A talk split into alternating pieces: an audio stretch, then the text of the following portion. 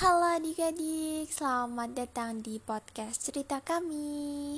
Hari ini Kalvi mau cerita nih Judulnya Kejujuran Laila.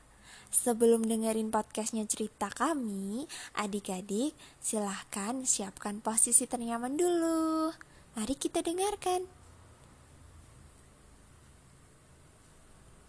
Di sebuah desa tinggallah seorang anak bernama Laila ia hidup hanya berdua saja dengan ibunya. Karena ayah Laila sudah meninggal. Laila berasal dari keluarga yang pas-pasan. Satu-satunya penopang hidupnya adalah ibunya. Suatu hari, pada hari ulang tahun ibunya, Laila ingin membelikan sebuah hadiah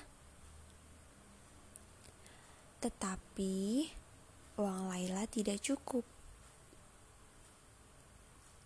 Lalu ia menabung dari hasil sakunya. Setelah terkumpul, ia pun pergi ke sebuah toko dengan penuh semangat. Ia sudah menentukan hadiah yang akan ia berikan untuk ibunya. Setelah tiba di toko, Laila segera memesan hadiah tersebut.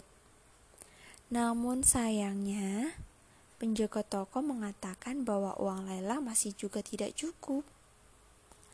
Laila pun pulang dengan perasaan sedih.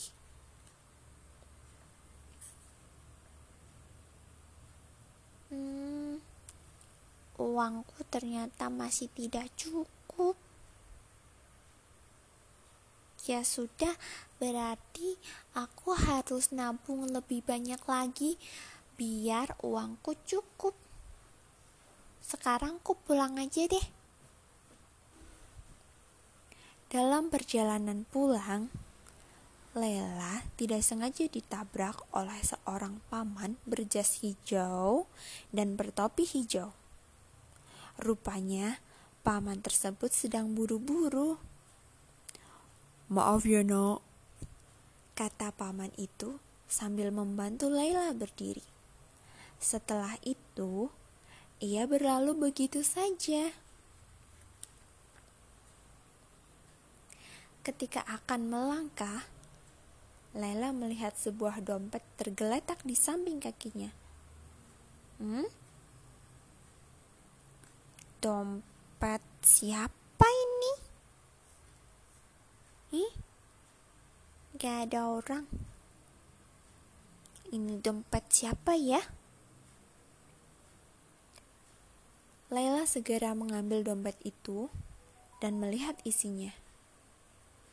Wah, ah, ada banyak sekali uangnya di dalam dompet ini.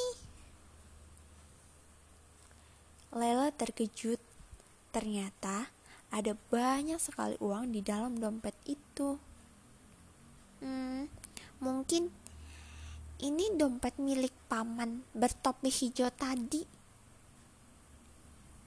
Oh, iya, sepertinya begitu.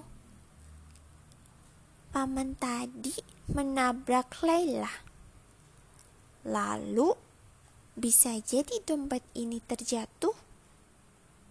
Hmm, apa yang harus Lela lakukan ya? Um, sepertinya Lela harus memberikan dompet ini kepada paman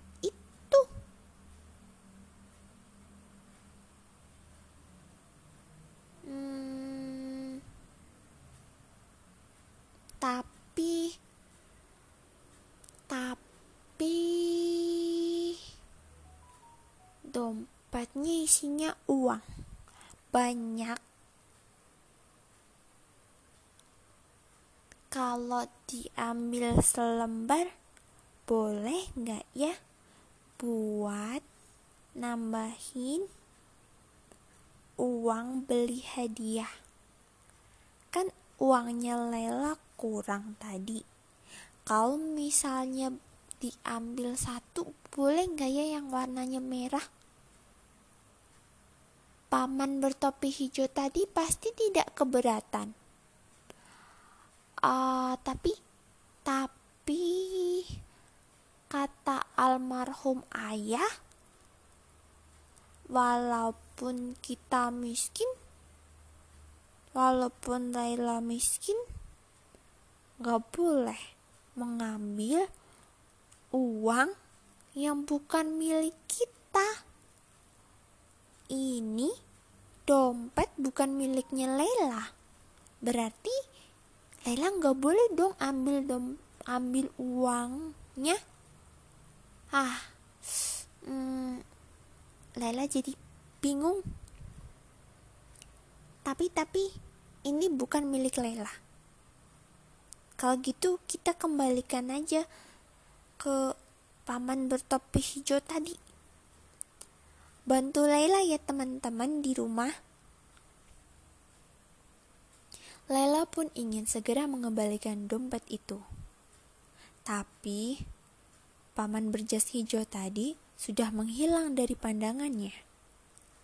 Lela berusaha mencarinya ke sana kemari, tetapi ia tidak kunjung menemukannya. Hmm? Paman tadi kok jalannya cepat sekali ya? Hmm, Lela jadi nggak ketemu deh. Terus ini dompetnya gimana? Uh, aha, kita kembali ke tempat roti tadi aja. Kita tanya sama tukang roti. Laila bertanya kepada tukang roti. Si tukang roti mau memberitahu jika Laila membeli beberapa rotinya. Akhirnya, dengan terpaksa, Laila membeli dua buah roti dengan bagian uang miliknya. Tukang roti pun menepati janjinya ia menunjuk ke sebuah arah. Lela mengikuti arah yang ditunjukkan oleh tukang roti itu. Tapi Lela tetap tidak menemukan paman bertopi hijau. Kemudian, Lela bertanya kepada seorang pengemis di pinggir jalan. Bapak pengemis, Apakah Bapak melihat paman berjas hijau dan bertopi panjang hijau? Pengemis itu menunjuk ke sebuah toko bunga yang ada di seberang jalan.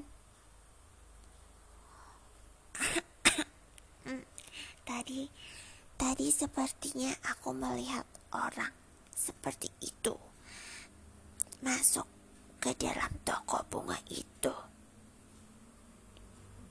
kata si pengemis. Karena merasa kasihan pada pengemis itu, Laila memberikan sebagian uangnya. Setelah mengucapkan terima kasih, Laila berjalan ke arah toko bunga.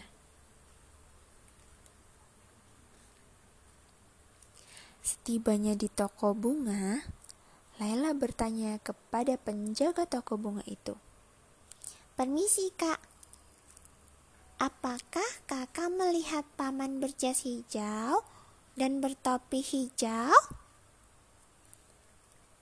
Penjaga toko bunga itu pun menyahut. Ya, beberapa menit yang lalu, paman itu membeli seikat bunga. Dengan gembira, Laila bertanya, Apakah kakak tahu ke mana pengemis itu pergi? Eh, bukan-bukan. Maksudnya ke mana paman ber... Apakah kakak tahu ke mana paman itu pergi?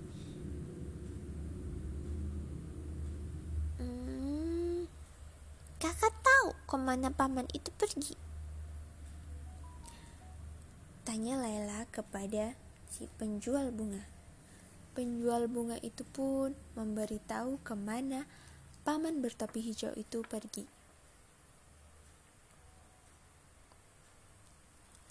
Lalu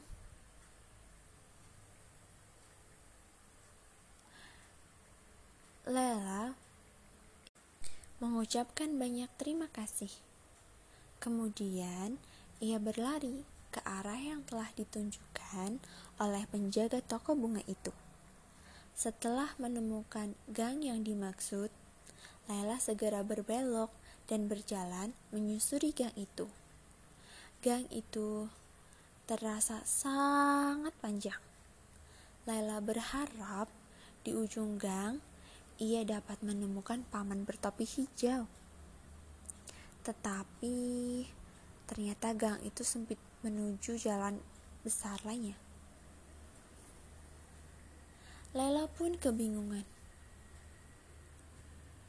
Ia memang mengenal jalan itu, tetapi itu sudah sangat lama sekali.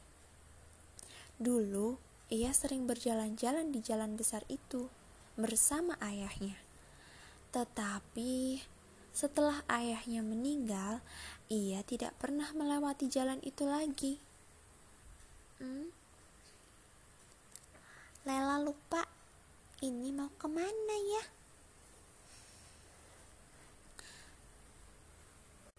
Setelah mencari ke sana kemari dan tak kunjung menemukan paman bertopi hijau, akhirnya Lala memutuskan untuk pulang ke rumah.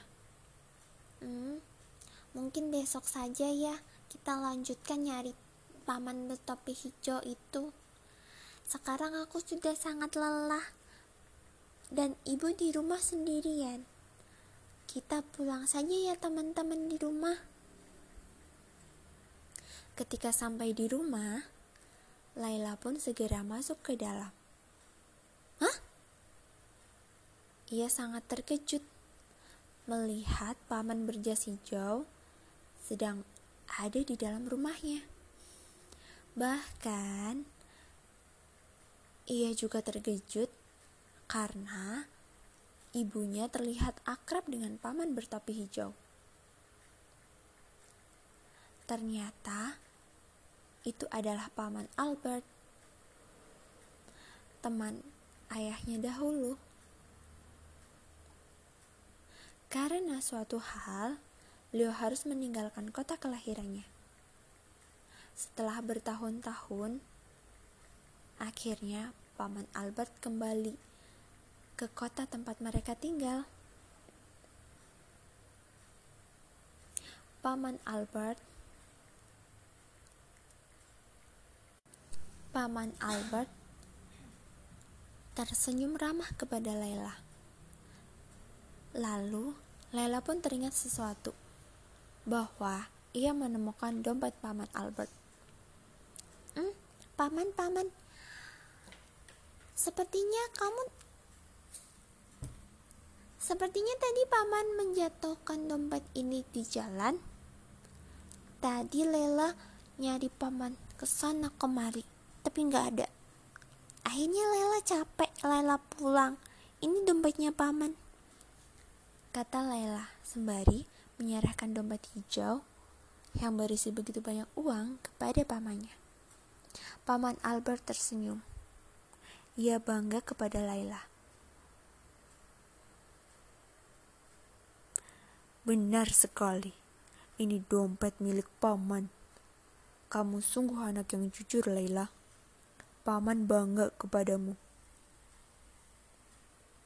Kata paman Albert. Laila pun tersenyum bahagia. Sejak saat itu, kehidupan Laila dan ibunya menjadi semakin bahagia.